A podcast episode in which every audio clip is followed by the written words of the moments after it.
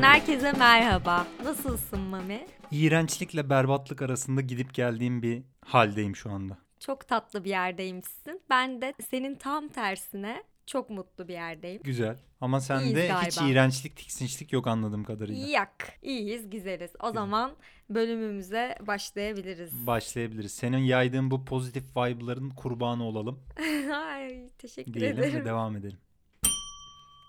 Zilimize de bastığımıza göre. Bu hafta neler izledik? Çok şey izledik ama bahsedeceğimiz şeyler tabii ki programımızda kısıtlı olacak. Hepsinden söz edemeyeceğiz. Andra Day'e Oscar'da ve Golden Globe'da hatta en iyi kadın oyuncu ödülünü kazandıran ve Oscar'da da adaylık elde etmesini sağlayan The United States vs. Billie Holiday filmini izledik. Çok kısaca bahsedelim istersen. Aynen, Hak ettiği kadar.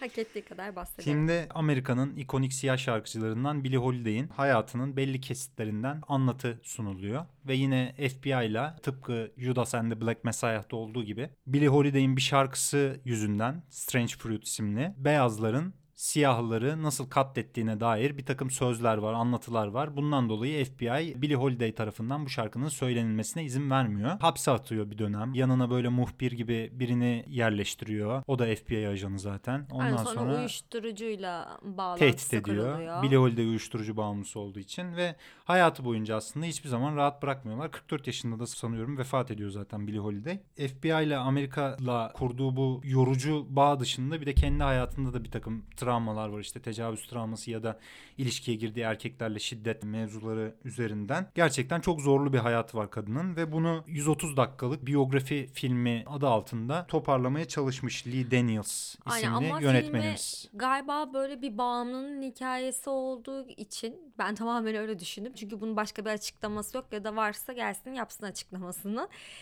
Böyle sanki hayal, gerçek, karışık, ne anlatıyor, zaman belli değil, mekan belli değil, kafasının içinde miyiz, bilinin o anı mı görüyoruz, ne oluyor? Böyle karışık bir anlatısı var. Ya ben aslında hayal gerçek mevzuları üzerine çok kafa yormadım ama ya herkesin herhalde hemfikir olduğu bir şey vardır bu filmle ilgili izleyenler varsa. İzlemeyenler için de söyleyeyim yani. Filmin yazarı Suzanne Lori Parks. Senaryosu o kadar dağınık, o kadar gevşek bir şekilde yazılmış ki filmin. Hiçbir anında böyle bir bütünlük duygusu, bir merkez duygusu filmin anlattığı şeye dair.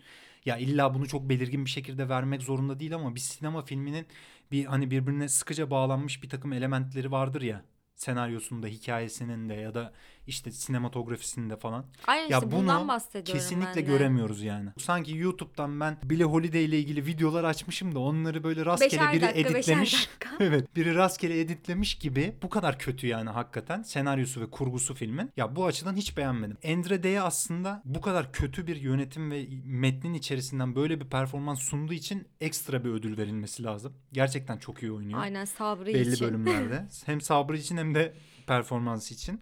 Hak ediyormuş gerçekten de aldığı ödülü. Ama filmde en çok beni rahatsız eden şey şu oldu. Böylesine büyük bir ikonik bir şarkıcının mesela bir anını seyirciyle bütünleştiği bir anını yakalamak istersin ya. Neden izliyorum ki bu filmi mesela? Şimdi yakın dönemde yine izlediğimiz için ve adaylıklar elde ettiği için One Night in Miami'den bir örnek vereceğim. Leslie Odom Jr.'ın oynadığı Sam Cooke'un bir sahnesi var filmde. Seyirciyle böyle bir arada müziğin kesildiği bir anda. Seyirci derken bu arada ben ilk biz izleyicilerden bahsediyorsun Hayır, hayır. sandım da sen aslında hayranlarından evet. bahsediyorsun. Yani o sırada konser verirken onunla izlemeye gelen insanlardan bahsediyorum. Evet o çok eksik yani bu kadın mesela seviliyor mu gerçekten? Arkasında Evet duran onu hayranları var işte mı? filmde. Onu göremiyorsun. O kadar bunlar repliklerin içerisinde sıkıştırılmış. Söyleniyor sadece. Billie Holiday'in ne kadar büyük bir şarkıcı olduğuna dair bir duygu. Ha, Kadın bundan mesela motivasyon kaynağı olarak devam etme arzusu, isteği, o ikonik olması falan onlara da hiç ilgilenmemişler. Evet, Full- daha çok böyle travmalarına ya da siyahların o dönemde gördüğü baskıya işte şiddete dair acıklı bir anlatı bütünselliği var tamamen. One Night in Miami'deki o sahne o kadar güzel sinematik bir an yaratıyor ki mesela. Seyirciyle müzik olmadan böyle bir anda onları ritme tutup şarkı söylemek. Mesela çok iyi performans verilmesi de önemli değil yani şarkıda. Burada mesela Strange Fruit'un söylendiği bir bölüm var. Andre Day'in işte yüzüne mesela çok yakın plandan hatta kameraya da bakıyor falan. Sekansla orayı vermeye çalışmış. Ya bu kadar ilgi çekici olmayan bir şekilde aktarılabilirdi bence o şarkının nasıl performans olarak gösterilmesi yani. Evet nasıl ya kadının da zihnini o kadar bulanık şekilde de, işte diyorum ya o kadar bulanık şekilde vermişler ki kadın hani niye anlattınız filmi yapanın motivasyonu ne ben onu da anlamadım. Ya Yani- biraz herhalde bu hem Billie Holiday'in yüceltilmesinden mistifize etme dışında böyle bir hayatı olduğunu da Ama Billie göstermeye Holiday'i çalışıyor işte film. yücelteceksin tamam da hani hayranlarıyla olan hiçbir bağını göstermeden biz sadece sahneye çıkan turneden turneye giden bir kadın görüyoruz ya. Hı hı. Yani ben izlerken mesela gerçekten böyle bir karakterin hani gerçek hayatta olduğunu bilmesem sıradan biri falan diye düşünürüm Evet, yani. evet. Bağımlı sıradan biri siyah bunun E, derdini aslında yaşamış. gösteriyor. Şarkı söylediği işte sahneye çıktığı birçok sekansı var filmde. Ama büyük bir sinematik duygu yaratmıyor yani bunlar. Çok geçiştirilen, çok hızlı hızlı böyle sekanslar arasında aceleci bir temposu var filmin. 130 dakika olmasına, Olmasına rağmen, rağmen bu var. evet. Ve kurgusu da yani mesela böyle bir sahne geçtikten sonra alakasız bambaşka bir bölümle birçok yerde böyle devam ediyor film ve bir bütünlük hissinden yoksun bir biçimde filmi en sonunda bitiriyoruz. Neden izlediğimize dair de böyle rahatsız edici bence birçok yanı da var yani. Hani bu acıklı durumu ya da onun yaşadığı travmaları göstereyim derken onun güçlü yanlarını göstermemesi beni çok rahatsız etti mesela filmde. Aynen ben ne çeken diyorum ya ne çekenin motivasyonu ne Billie Holiday'in motivasyonu hiçbir şey görmeyince 130 dakika böyle sadece izledik Hı hı. gibi bir şey oluyor. Endre'de buradan sevgilerimizi iletelim. İletelim. Umarım duyar evrende bir şekilde kendisine ulaşır diyorum. Ve United States vs. Billie Holiday faslını kapatıyorum. Kapatalım. Senin bahsedeceğin diziye geçmeden önce bu hafta çok konuşulan bir haber var ondan bahsedeyim. Disney yeni gelecek 7-8 tane film vardı. Onları artık hem Disney Plus'ta hem de sinemalarda aynı anda yayınlama kararı aldı. Artık stream'in iyice pandemiden dolayı güçlendiğine bir nokta daha İyice boku çıktı diyecektin diyemedin gibi geldi bana. Bu işin de bokunu çıkarttınız ve Hayır bokunu çıkarttın ben öyle bakmıyorum zaten. O yüzden beni rahatsız eden bir şey yok burada da. En çok beklenen filmler de Cruella'yla Black Widow diye. Black Widow Avengers'taki Natasha Romanoff isimli karakterin Scarlett, Scarlett Johansson'un oynadığı karakterin filmi. Cruella'da da Emma Stone yer alıyor ve yazarlarında şey de var Cruella'nın. Cruella'da bu arada bilmeyenler için söyleyeyim yani Dalmaçyalı hikayesindeki o Aynen, ana 101 kötü karakter. Cruella de Vil. Tony McNamara yer- alıyor. Tony McNamara'yı da şeyden biliyoruz. Yorgos Lanthimos'un The Favorite filminin yazarlarından. Bunun dışında işte Luca gelecekti. Animasyon, Disney'in animasyonu. O da sadece Disney Plus'ta yayınlanacakmış. Bu diğer Cruella ile Black Widow ise premium üyelik yani ekstra para ödemen gerekecekmiş diye bir haber diyorum. Ama zaten bizim için bir şey ifade etmiyor Evet şu anlık. Türkiye'ye nasıl geleceğine dair hiçbir bilgi henüz yok Disney Plus'ın. Eğer İşte haberi Orta olanlar Doğu'ya varsa da başka- yazsınlar bize. Aynen Orta Doğu'ya başka bir isimle galiba gitmişler. Hı hı. O kanal üzerinden belki Türkiye'ye de gelir diye Hı. gördüm ben. Blue TV. Aydın Doğan Yalçın da. Kardeşim bizi dinlediğini biliyorum bak. Şimdi değilse ne zamana? Al Blue şu TV. Disney Plus'ı hadi. Aynen göster gücünü. Hadi göster gücünü bakalım. Ben bu hafta dedim ki benim dizi izlemem lazım. Tamam. Şöyle bir havam değişsin. Mini dizi mümkünse dedim. Bu ne dedin? Sinema sinema yetti. Gına geldi artık dedin. Biraz da dizi ya deyip açtım baktım şöyle ne izleyebilirim diye. Sonra Amazon'da Dispatches from Elsewhere diye bir dizi gördüm. Baktım yayın tarihi normalde 1 Mart 2020'ymiş. Geçen sene bu vakitlerde yayınlanan bir dizi. Dedim bir bakayım ya 10 bölüm güzel. Dizinin konusu Peter diye bir karakterle açılıyor dizi. Hayattan sıkılmış, hayatın artık gerçeklerini bile sorgulamayan bir tip. Her gün aynı şeyi monoton bir şekilde yapan bir berbat bir halde berbat. Aynen. Yıkılmış bitmiş. Ve bu karakterin yolda yürürken direklerde gördüğü afişlerle bir anda hayatının değişmesi üzerine bir telefon açıyor. Afişte gördüğü habere ilişkin. Sonrasında olaylar gelişiyor. Farkında olmadan aslında bir oyunun içine girmiş bulunuyor. Bu oyunda Jejun Enstitüt diye bir enstitü tarafından gerçekleştirilen aynı bu işte odadan kaçış hikayeleri gibi bunun gerçek hayatta daha büyük bir dekorla yani hayatla normal bildiğimiz hayatta oynanana gibi düşünelim. Dekor tasarımcısının Allah olduğu. Aynen. Yaratıcının olduğu. Allah ve Cengiz Holding olduğu ortak yapım Aynen. prodüksiyon tasarımı. Aynen öyle. San Francisco'da bir enstitü bu. Adamı arıyorlar işte. Peter işte bize ulaştın. Şu şu bizim adresimiz buraya gel diye gidiyor. Büyük bir plazada giriş yapıyor. Jejun Enstitüsü soruyor. Zaten onu direkt başka bir yere yönlendiriyorlar bir haritayla. Orası bile oyunla gerçekleşiyor. Sonra bir ekranın başına oturtulup Jejun Enstitüsü'nün ne olduğuna dair hayatın içinde bir oyun oynama imkanı sağlayacağına dair bilgiler edinirken bir yandan da Jejun Enstitüsü'nün açıklamalarından sonra başka bir grup olan Elsewhere Society'nin Jejun Enstitüsü'nün dediklerini yapma, e, onlar seni işte yanlış yönlendiriyor, bizim dediklerimizi yap diye oyunu bir basamak daha yükseltip iki grup arasındaki sanki bir çatışma varmış gibi seni başka bir oyuna yani oyunu başka bir boyuta taşıyor. Hı hı. Ve bu oyuna dahil olacak ana karakterler başka Simon diye bir karakter var. Trans bir kadın. Janice diye yaşça büyük bir kadın var. Bir de Fredwin diye siyah bir genç adam var. Bu dördünün hikayesi üzerinden ilerliyor dizi. Dizinin şöyle ilginç bir yanı var. Ben ilk bölümü izledim ve dedim ki aa ne kadar ilginç bir konu. Bir baktım yazarı ve yönetmeni, yönetmeni de galiba Jason Segel. Hı hı. Jason Segel'ı da How I Met Your Mother Marshall karakteriyle biliyoruz. Diziden sonra çok kötü bir hayatı oldu.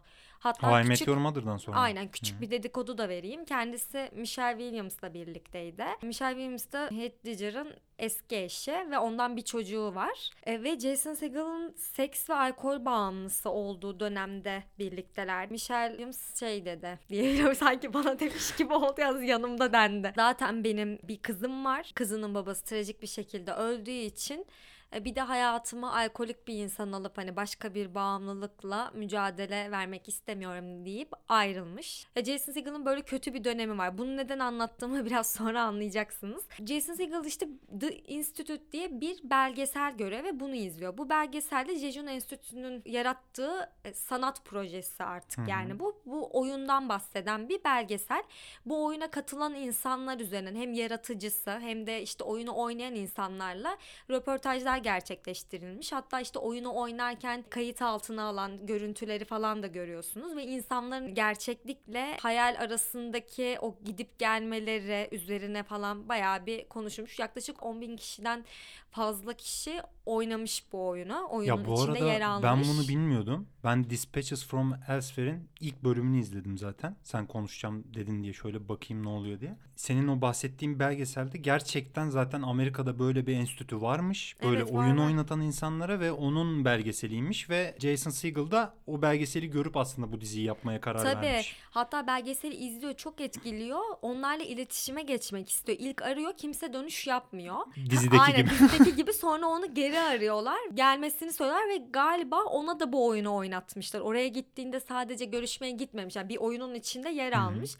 Sonra da ben bunu neden dizi ya yani bir proje haline getirmeyeyim diye düşünüp bir proje haline getirmiş. Aslında Jason Segel'ın tam kendi olmaktan sıkıldığı bir döneme denk geldiği için ve kötü bir dönemden geçtiği için diziye de son bölümlerinde yansıyor. Hı hı. Bu oyunun içinde yer alıp kendini çok kaptırıyor karakterlerin bazıları ve hani gerçeklik algısının yıkıldığı bir yer oluyor. Mesela diyorlar ki bu oyundu. İnanmıyor falan. Hayır oyun değildi. Siz böyle yaptınız, şöyle yaptınız diye iddia eden Ama- ve oyunun içinde kalan insan çok var. Zaten Düz dünyacıların olduğu bir dünyada da bu kadar zekice bir evren kurmak hakikaten insanları öyle bir dehşete düşürebilir yani. tabii mesela işte Gerçekten inanılmaz bir proje yani arkadaşlar böyle bir proje yok yani. Aynen belgeselde de şey zaten bu Octavio diye bir karakter var. Dizide de belgeselde de o sizinle Jejun Enstitüsü'nün yüzü olarak iletişime geçiyor. Adam mesela çekilmiş demiş ki ben bu projede yokum diye gerçek Hı hı. hayatta yazmayın lütfen. Hiçbir yerde adım geçsin istemiyorum. Ben çekildim. Çünkü korkulacak bir noktası da var yani. insanlar hani gerçeklik algısını kırdığın için bir de bunu isteyen insanlar da var kırılsın. Yani orada kalmak istemiştir. Hı hı. Çabası da olmuştur. Her neyse böyle 10 bölümlük mini dizi.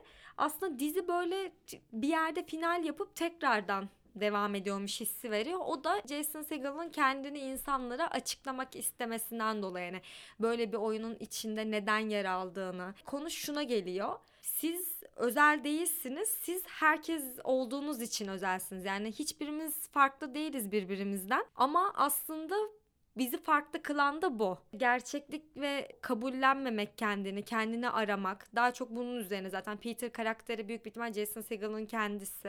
Hı hı. Kendini bulmaya çalışan ve kendini tanımaya çalışan bir karakter var. Ve bunu kendi gerçek dünyasında değil de bu oyun vasıtasıyla yapmaya Hı hı. çalışıyor. Yani başka bir gerçeklikle. İzlenir yani. Keyifli bir dizi. Ya sonu çiğ kalabilir ama çok hani samimi bir yerden yapılan bir iş olduğu çok belli. Hı hı. O yüzden o göz ardı edilebilir. Çünkü böyle bir mesaj verme kaygısı var. Ama hoş bir dizi. Ben sevdim açıkçası. Bu arada bence şeyi sevenler de bunu severler. Onu seven bunu da sevdi. Bu Black Mirror'ın 2018'de yayınladığı bir Bandersnatch bölümü var diye sen diziyi Yönlendiriyordun Evet diziyi. kendi seçtiğin ya o kadar derinlikli bir yönlendirme seçeneği yoktu ama dizinin işte kurgusunu sen kendin seçeneklerle böyle seçip ona göre yönlendirebiliyordun falan.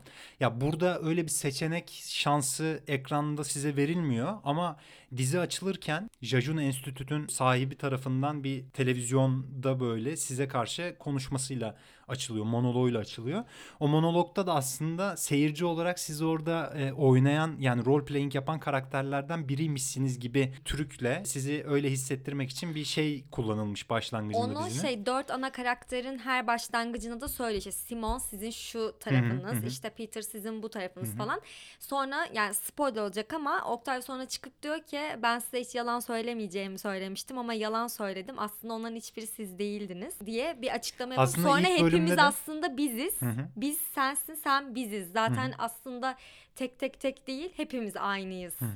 gibi bir noktaya getiriyor ama mevzuyu. İlk bölümde de yalan bir kere söyledim Aynen. ama hangisi olduğunu söylemiyor o yalanın. Sıkıcı rutin ve hayattan kaçış fantazileri üretme halimizi bir oyun içerisinde bir anlama oturtan ve orada işte kimlik arayışına dair bir şey söyleyen finalinde bir dizi yani. Evet. Değil mi? Öyle. Aynen ona Kısaca anlatabiliriz bağlayabiliriz.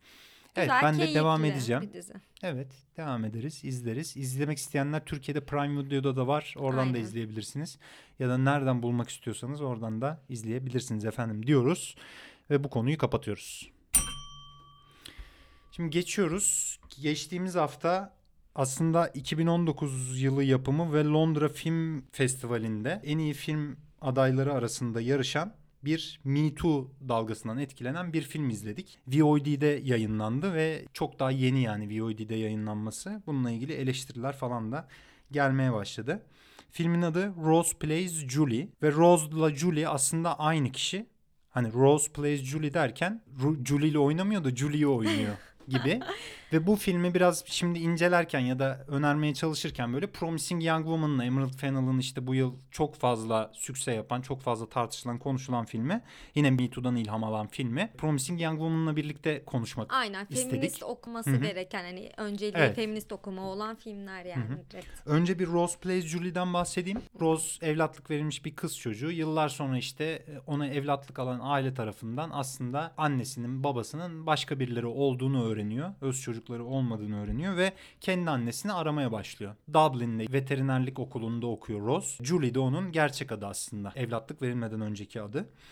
Ve annesiyle iletişime geçtikten sonra aslında annesinin bir tecavüz travması yaşadığını öğreniyor. Bunun üstünden, bu travma üstünden hem de Rose'un kimlik arayışı üstünden bir anlatı kuruyor film. Ve burada işte bu tecavüzcünün kim olduğuna dair bir sorgulama başlıyor Rose tarafından. Yani babasını bulma girişimi var ve bunun üstünden bir intikam hikayesine, gerilim drama filmine dönüşüyor. Filmin sinematografisi böyle aslında çok soğuk. Renk paleti de böyle çok soğuk yani. Bizi Promising Young Woman'daki gibi böyle karakterle çok empati yapmamıza izin vermeyen böyle mesafeli bir yerden e, Tam olayı. bir İngiliz anlatısı. Aynen öyle. İrlanda bağımsızı zaten. Yapıda kurulmuş filmin görsel bütünü de. İntikamı da tam olarak bizi tatmin edecek şekilde de hatta failin de kendi iğrençliğinin farkına vardığı bir şekilde e, dönüştürüyor. Çok fazla hani konuşup böyle şey yapmak istemiyorum finalinde yani. Spoiler olmasın diye. Böyle çok büyük bir film değil yani. Kesin izleyin harika çok beğendim falan demek istemiyorum. Çünkü bir takım eksiklikleri var filmin. O da mesela böyle büyük bir travmalarla işte tecavüz travması gibi bir olayı ele alırken özellikle annenin sekanslarında çok hızlı bu travmayla yüzleşme anlarını geçiyor ve karakterlerin derinleşmesine çok da müsaade etmiyor. Bunu da tercih etmiyor zaten. Daha çok bu oyunculuk Promising Young Woman'da olduğu gibi o karakter de işte belli tiplere bürünerek erkeklerden intikam almaya çalışan bir karakterdi. Burada da bu oyunculuk ve intikam üzerinden aslında gerilim aksını daha fazla devam ettirmeyi tercih eden bir film var yani karşımızda. Aynen. Bana da şey gibi geldi. Film gerçekten çok hesaplı bir film yani. Hesaplanmış hiç böyle açığı falan olmayan bir film. 2 artı 2 eşittir 4. Yani cevabı doğru ama çok basit bir matematik işlemi ya. Promising Young Woman mesela şey yapmış gibi geliyor bana. Gerçekten bir türev sorusunu çözmeye çalışıyormuş Kesinlikle gibi. öyle. Yani burada 4 işlem yapan bir film var ama doğru sonucu buluyor. Promising Young Woman bir türev işleminin belki gidiş yolu doğru ama cevap yanlışmış gibi. Ya, Ya da Promising gidişat Young Woman yanlış cevap aslında doğru gibi. şu soruyu soruyor ya Promising Young Woman. İntikam her şeyi çözecek mi? Yeterli mi aslında intikam alıyor olmak? Gibi bir soru üzerinden o kimsenin beğenmediği o final sekansını o şekilde inşa ediyor. Burada öyle bir şey yok yani. Burada İntikam evet. Gerçekten de e, bazı Dişe şeyleri diş, çözecek ve Kana kan. çözüyor da zaten filmin kendi içerisinde ama bu ne kadar yeterli ve inandırıcı gelir izleyicilere onu bilemiyorum. Bana, beni de çok tatmin etmiyor aslında çünkü adamın bir anda belli şeylerin farkına varması, tecavüzcü babanın vesaire. Me Too anlatılarını seven ve bir kadın gözünden bir intikam hikayesini böyle düzgün kurulmuş bir intikam hikayesini Ve gözden kaçmış olma ihtimali de yüksek olan bir film. Ben açıkçası Evet. sen demeden önce Hı hı. hani şey değildim bilmiyordum. Bağımsız bir film zaten. Bir de çok fazla sinemalarda da gösterime girmediği için. Ya bu arada bu terime artık bir şey bulmamız lazım. Hani Ne? koronadan dolayı sinemalarda gösterilemeyip daha sonra video olarak satışa sunulan. Bunu bir düşünelim. Sine Arkadaşlar önerileriniz varsa Sine Covid bulaşan filmler mi desek mesela? İğrenç böyle. yani bilemedim şu an. Neyse Daha iyi bununla varsa ilgili böyle ya- yazın evet, yani, etimologlar söyleyin. falan varsa tanıdığınız onlarla ilgili bir konuşalım. Çünkü bunu Almanlar bulmuştur ya buna bir kelime kesin Evet, bir bakalım. vardı. Bunu bakarız. söylemekten ben çok yoruldum bu dönemdeki filmlerle ilgili. Gözden kaçmış olabilir hakikaten. Şu anda işte malum ortamlardan izleyebilirsiniz. Joe Lawler ve Christina Molloy ortak yönetmenliğini yapıyorlar. Bir de filmde şöyle bir şey var aslında. Bir, bir takım metaforlardan da besleniyor. Böyle o açıdan sinematografisi de daha güçlü bir hale geliyor filmin. O soğukluğa rağmen yani. O metaforu da antik Yunan mitiyle kuruyor. O da Ifigenya'nın anlatısı. En son Yorgos Lanthimos Kling Kutsal Geyin Ölümü filminde de kullanmıştı aynı miti. Ama onu erkek çocuğu öldürme üzerinden bir şeye kurguluyordu finalinde yani dönüştürüyordu. Burada işte Agamemnon'la Klitemnestra'nın kızı. Aynı zamanda birçok oyuna da antik Yunan metnine de falan konu olmuş bir mit zaten bu. Agamemnon savaş için şansının yaver gitmesi için savaşta kızını kurban etmesi isteniyor. Tam edeceği sırada bizim İbrahim İsmail hikayesine de benziyor. Bizim derken yani İslam mitolojisindeki. Tam öleceği sırada bir geyik geliyor ve geyiğin ölümüyle aslında Ifigenya işte kutsanmış oluyor vesaire. Hatta Game of Thrones'da bile o Stannis'lerin e, geyik Aynen. logosu falan bu mitten beslenme mevzusu var. Çok böyle popüler kültüre hizmet olan bir mit. Ya bunu da çok belirgin bir şekilde söylemeden aslında böyle satır aralarında işliyor yani. Adam ya erkeklerin şansının böyle kız çocuklarını öldürmesi ya da travma yaşatmaları üzerinden yaver gitmesi noktasında böyle bir bağ kurmuş falan. O açıdan da sevdim yani o anlatısında. Bu şekilde efendim. Aynen sakin o kadar yükselecek hani bir film değil Hı hı. ama izlenir Evet. olan bir Me film. Too anlatılarını, intikam hikayelerini, gerilim hikayelerini sevenler izleyebilirler diyorum. Bu arada filmdeki tecavüzcü babayı Elgin Gillen oynuyor. Yani Evet. bu adama da kötü olmak o kadar yakışıyor ki tanımayanlar için hatırlatayım. Game of Thrones'taki Littlefinger. Evet. Adam yani iyi olamaz ya. Ve Kesinlikle iyi olmadığı halde sempatik bir Hı. de. Çok Yani- seviyorum kendisini. Oyuncuların tamamı aslında filmin estetiğine uygun olarak gayet güzel performanslar sergilemişler Aynen zaten. hepsi hakkını vermiş rolün diyelim. Ve geçtiğimiz hafta Being Connect'te gelen The Nest filmini konuşalım dedik. Daha önce izlemiştim ben ama bu hafta tekrardan bir gündeme getirelim. insanları hatırlatalım filmi. Başka sinemayla İstanbul Film Festivali'nin seçkilerinde de Evet. yer aldı. 2020 filmi. Beğenenler de oldu yani e, eleştirmenler tarafından falan ama çok da konuşulmadı. Ödül listelerine falan çok giren bir film olmadı. Aynı ilginç bir şekilde sinema eleştirmenliği yapanlar yani gerçekten bu işi bir yerlerde yazıp çizenler beğendi. Hı hı. Ama izleyici işte sinefil tayfa dediğimiz tayfa beğenmedi. Hı hı. Yani benim gözlemlediğim hı. öyle. E, filmi şöyle bir bakacak olursak Sean Durkin yönetmenliğini üstlenmiş. Başrolünde de Jude Law ve Carrie Coon var. Hı hı. Filmin konusu da şöyle. Rory yani Jude Law çok hırslı bir iş adamı. Kolay yoldan bence zengin olmaya çalışan bir adam Hı hı. aslında. Finans işiyle ilgileniyor. Karısı ve çocuklarını ikna ederek Amerika'dan ana vatanı olan İngiltere'ye iş için dönüyorlar. Hı hı. Eskiden çalıştığı bir firmayla yeni bir anlaşma sunduklarını söylüyor firmanın. Ona teklif getirdiğini söylüyor. New York'tan Londra'ya taşınıyorlar. Evet ve böyle yaşamak için bayağı büyük tarihi bir ev Hı tutuyorlar. hı. Alison yani Carrie Coon karakteri de atlara karşı ilgisi var. Hı hı. Ve bir at alıp evin içinde yani ağır e, kurulabilecek kadar büyük bir ev yani. Hı hı. Şaşadan uzak duramayan bir yaşantı sürüyorlar ama sonrasında Ondan sonra da olaylar gelişiyor zaten. Bir gerilime doğru sürükleniyoruz biz. Özellikle anne ve baba karakterleri arasından. İki de çocukları var. Kadın bu arada daha önce başka bir evliliğinden bir çocuğu var aslında. Sonra işte Rory ile evleniyor. Kadın Amerikalı, Rory ise İngiliz. Bu filmde ben Minari ile birlikte okumayı tercih ediyorum. Amerikan Hayali dediğimiz o filmde de çok geçiyor zaten The Nest filminde. Amerikan hayaliyle bir günde zengin olma böyle çok hızlı bir şekilde servet edinme hayallerini böyle boşa çıkaran filmler aslında ikisi de. Minari tabii daha alt sınıfı ve bir göçmen hikayesini anlatıyor.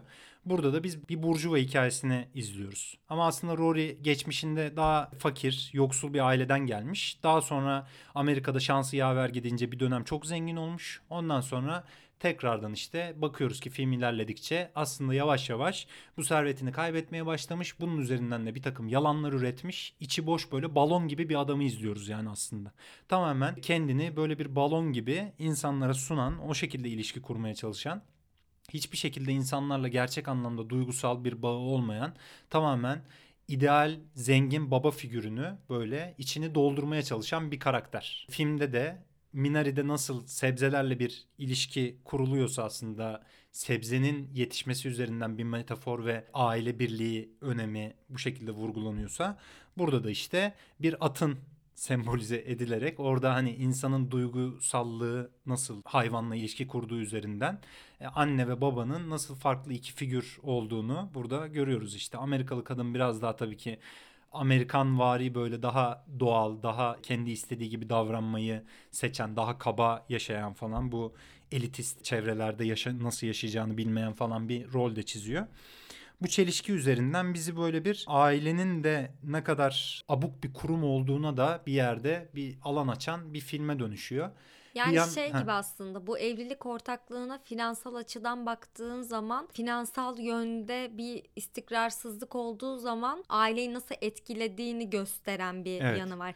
O Ama bir yüzden- yandan da hem bu finansal yön aslında kötüye giden yön bu dediğin durumu ortaya çıkarıyor ama bir yandan da kadın ve adamın birbirinden çok farklı hayat tarzlarının olmasıyla da aslında sonuçlanıyor bu. Paradan bağımsız olarak yani. Birbirleriyle ne kadar samimi bir ilişki kurmadan o aile içerisinde yaşamaya çalıştıklarını görüyoruz. Tabii aslında hikaye Rory'nin finansal açıdan istikrarsızlığı sonucu ailenin yaşadıkları. O yüzden hani sanki hikaye onun hikayesiymiş gibi gözüküyor ama aslında burada bu karmaşanın içinde sıkışan Alice kadın Kesinlikle karakter öyle. ve bence hikaye tamamen onun Hı hı. hikayesi. Hı hı. Hani atın bile onun atı olması o yüzden diye düşünüyorum ben. Zaten filmde atın ölümü üzerine yaptıkları bir sohbet var yani. Oradan aslında ikisinin de konumu, hayata bakışları çok net bir biçimde ortaya çıkıyor. Filmin bir de şöyle bir yanı var. Bu dediğimiz o kofluk adamın kofluğu meselesini bir de İngiltere'deki o devasa işte çok e, tarihi binaların o büyük geniş tavanlı yüksek tavanlı falan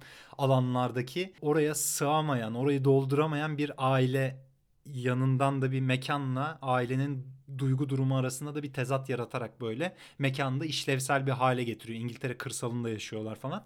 Ya bildiğin onları böyle yutmakla tehdit eden bir ev gibi Evet, sanki orası. zaten Böyle yutuyor da yıkık- yani yutuyor Aynen. da. Ben sevdim yani filmin genel özellikle oyunculukları çok iyi. Eksik yanları da şöyle gibi geldi bana. Çocukların ebeveynleriyle kurdukları ilişkileri üzerinden de böyle travmalar ve dram yaratmaya çalışıyor film. Ama oralarda böyle çok acele etmiş ve yeterince derinleşememiş gibi geldi çocukların hikayeleri. Aşırı basma kalıp yanların olduğunu falan düşündüm senaryoda.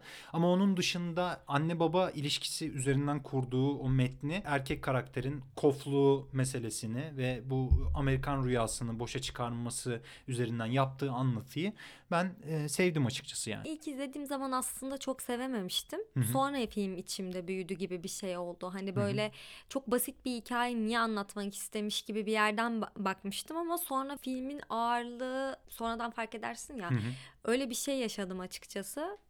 Bilmiyorum yani bu da izlenebilecek bir film. Mükemmel de değil, kötü de değil. Aynen öyle. Minari'deki o toplu performansın ne demek olduğunu hani Minari de Türkiye'de çok küçümseniyor ya. Ah evet. Bak Yani- şu an dediğin şey o kadar doğru ki. Yani o filmde aile nasıl yaratıldığını hani Nest'i izleyerek daha iyi anlayabilirsiniz yani. Hani Minari'de gerçekten o karakterler o kadar yaşıyorlar ki birbirinden alakasız oyuncular nasıl bu kadar iyi bir aile olabilmişler diye iki çocukla hani gerçekten Nest'in Minari'nin galiba- üstünlüğünü anlayabilirsiniz diyorum. The Nest'te ne olmuş biliyor musun? Aile olmayı unutan ebeveynler var bir kere Hı hı. orada. Ben öyle hissediyorum ama hikaye öyle yazılmamış.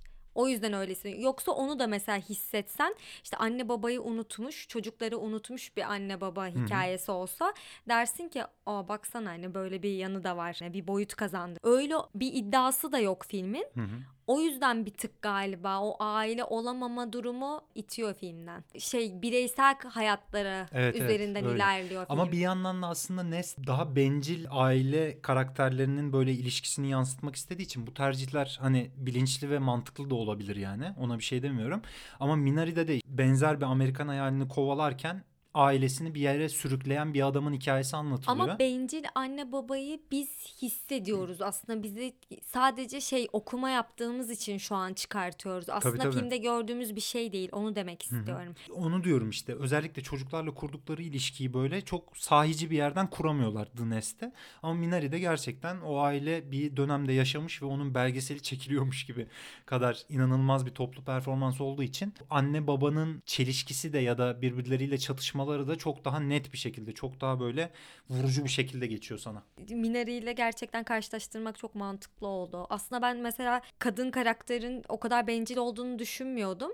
Şu an Minari ile karşılaştırınca aslında o da bencil bir yerden bakıyor aile kurumuna gibi Evet geldi. evet tabii ki. Ya o Aynen, da kendi hobilerinin, kendi hobilerinin ya da kendi hayatı yaşama şeklinin peşinden giden ve bunun için çocuklarıyla da çok bağ kuramayan falan bir kadın yani Minari'dekinden farklı Ve olarak. hatta para biriktiren herkesten gizli. Evet. Güzel bir film ama ben derli toplu yani gerçekten zayıflıklarına rağmen öneriyorum O efendim. İngiliz kasvetini de vermiş. Kesinlikle öyle. O mekanla zaten konuştuk kurduğu ilişkiyi de.